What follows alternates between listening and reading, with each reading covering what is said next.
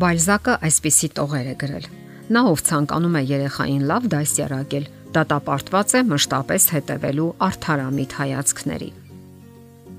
Երեխայի դասյարակությունը բազմաթիվ ոլորտներ է ներառում։ Դա եւ երեխայի տրամաբանության զարգացումն է, եւ առողջ ինքնագնահատականը, եւ վախերից զերծ մեծանալը, եւ անգամ ծնողների առանց ավելորտ տագնապի ու լարվածության շփումը սեփական երեխաների հետ։ Սակայն այս ամենի մասին հերթականությամբ։ Ինչպես զարգացնել երեխայի տրամաբանությունը։ Մի մոռացեք այն մասին, որ փոքրիկները կարևոր տեղեկատվությունը ավելի լավ են հիշում խաղերի միջոցով։ Խաղային հարմարանքներ կարող են լինել ոչ միայն խաղալիքները։ Երեխաները սիրում են խաղալ նաև կենցաղային իրերով կամ առարկաներով։ Եվ հենց դրանց օգնությամբ կարող են ճանոթանալ առարկաների եւ քանակին, եւ զանգվածին, եւ ապա պատկերացում կազմել թվերի հերթականության մասին։ Մաթեմատիկական པարզագույն գործողությունների կուտակված փորձառությունը հիմք է մաթեմատիկական հմտությունների հետագա հաջող զարգացման համար։ Այնպես որ որոշեք, թե ձեր կենցաղային որ առարկաներով է զբաղվելու պստլիկը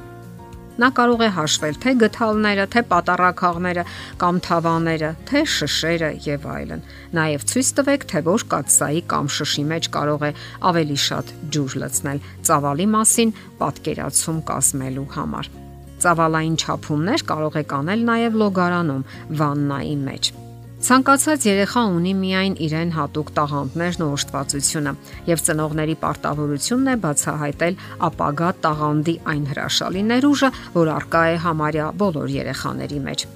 Ձեր երեխային կարող եք ասել. այնինչ արել ես նման չէ քեզ։ Դա պատահականություն է։ Դու այդպեսին չես։ Դու կարող ես, քեզ մոտ կստացվի։ Դու խելացի ես, դու ուժեղ ես։ Եվ այդպես ժամանակն անցնում է, երեխան դառնում է 10-ից 11 տարեկան տղա։ Նա արդեն բավականին մեծ է։ Այդ տարիքից դուք կարող եք բացահայտել նաև նրա ապագա տղամարդուն անհրաժեշտ կարևոր որակները՝ պատասխանատվություն, պաշտպանություն եւ այլն։ Մայրիկները պետք է հնարավորություն տան ապագա տղամարդուն, որ կատարի այն աշխատանքը, որի համար միայն ինքն է պատասխանատու, եւ մի մոռացեք գովաբանել ու սատարել նրան կատարած աշխատանքի համար։ Արդեն այդ ժամանակ նա պետք է հասկանա, որ ինքը տղամարդ է տանը եւ կանայք զգում են իր կարիքը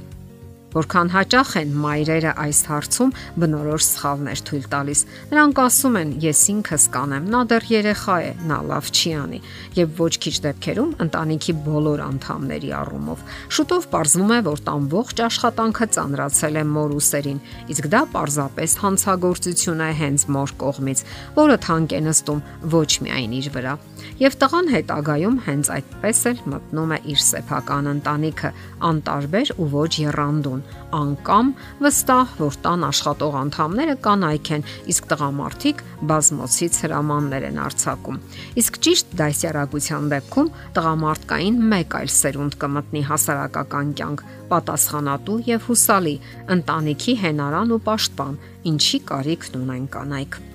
Շատ մայրեր են բախվել այն հիմնախնդրին, երբ երեխան վախենում է։ Մայրերը հայտնվում են սթրեսի մեջ, չիմանալով ինչ անել։ Պարզապես պետք է իմանալ, որ դա հաճախակի հանդիպող երևույթ է եւ կարելի է խելամտորեն պայքարել դրա դեմ։ Պետք չէ հանդիմանել վախկոտության կամ անմիտ հորինվածքների համար։ Երեխան սովորաբար ինքն էլ չի հասկանում, թե ինչու է վախենում։ Այս արտահայտությունը դրանում ոչ մի սարսափելի բան չկա միգուցե ձեզ համար իմաստ ունի, իսկ ահա նրա համար սարսափելի բան կա եւ այն էլ այնքան Նույնիսկ կիսախավարի մեջ գտնվող առարկաների պատկերները կարող են վախեցնել երեխային։ Վախի պատճառները անիրական են, իսկ ահա վախը խիստ իրական է։ Եվ երբեմն, որքան էլ դա հակասական թվա, հենց վախի իրական լինելու գիտակցումն է օգնում, որ պայքարեք դրա դեմ։ Չէ՞ որ շատ դեպքերում երեխային պարզապես հասկանալ է պետք, ըմբռնողություն է պետք նրա հանդեպ։ Այդ ձևով դուք օրինականացնում եք երեխայի ապրումները եւ վախը դադարում է լինել ինչ որ արգելված ու ամոթալի բան եւ երեխան իրեն նորմալ է զգում, հասկանալով, որ բոլորն էլ կարող են վախենալ եւ դա միանգամայն մարդկային զգացում է։ Այդ վիճակը հասարակության լիիրավ անդամ լինելու գիտակցումը շատ կարեւոր է նախադպրոցական երեխայի համար, իսկ վախը նա ժամանակի ընթացքում կհաղթահարի։ Լինում են նաև դեպքեր, երբ այդ վախերը ախտաբանական բնույթ են կրում։ Երեխան անընդհատ դրա մասին է մտածում, խոճապներ է ունենում, հիստերիայի մեջ է ընկնում եւ այլն։ Նման դեպքերում արդեն անհրաժեշտ է դիմել փորձառու մասնագետի օգնությանը։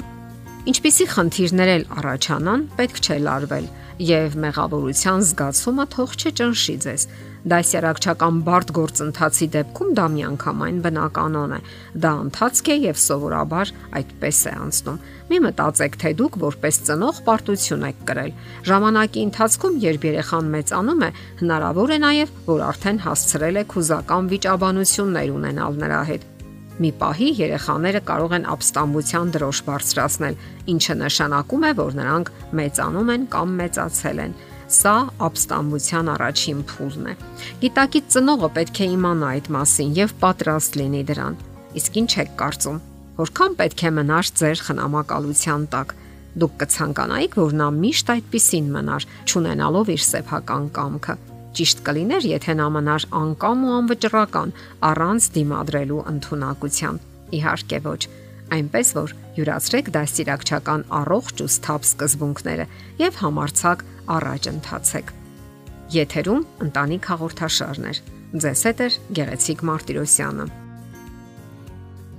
Հարցերի եւ առաջարկությունների համար զանգահարել 033 87 87 87 հեռախոսահամարով։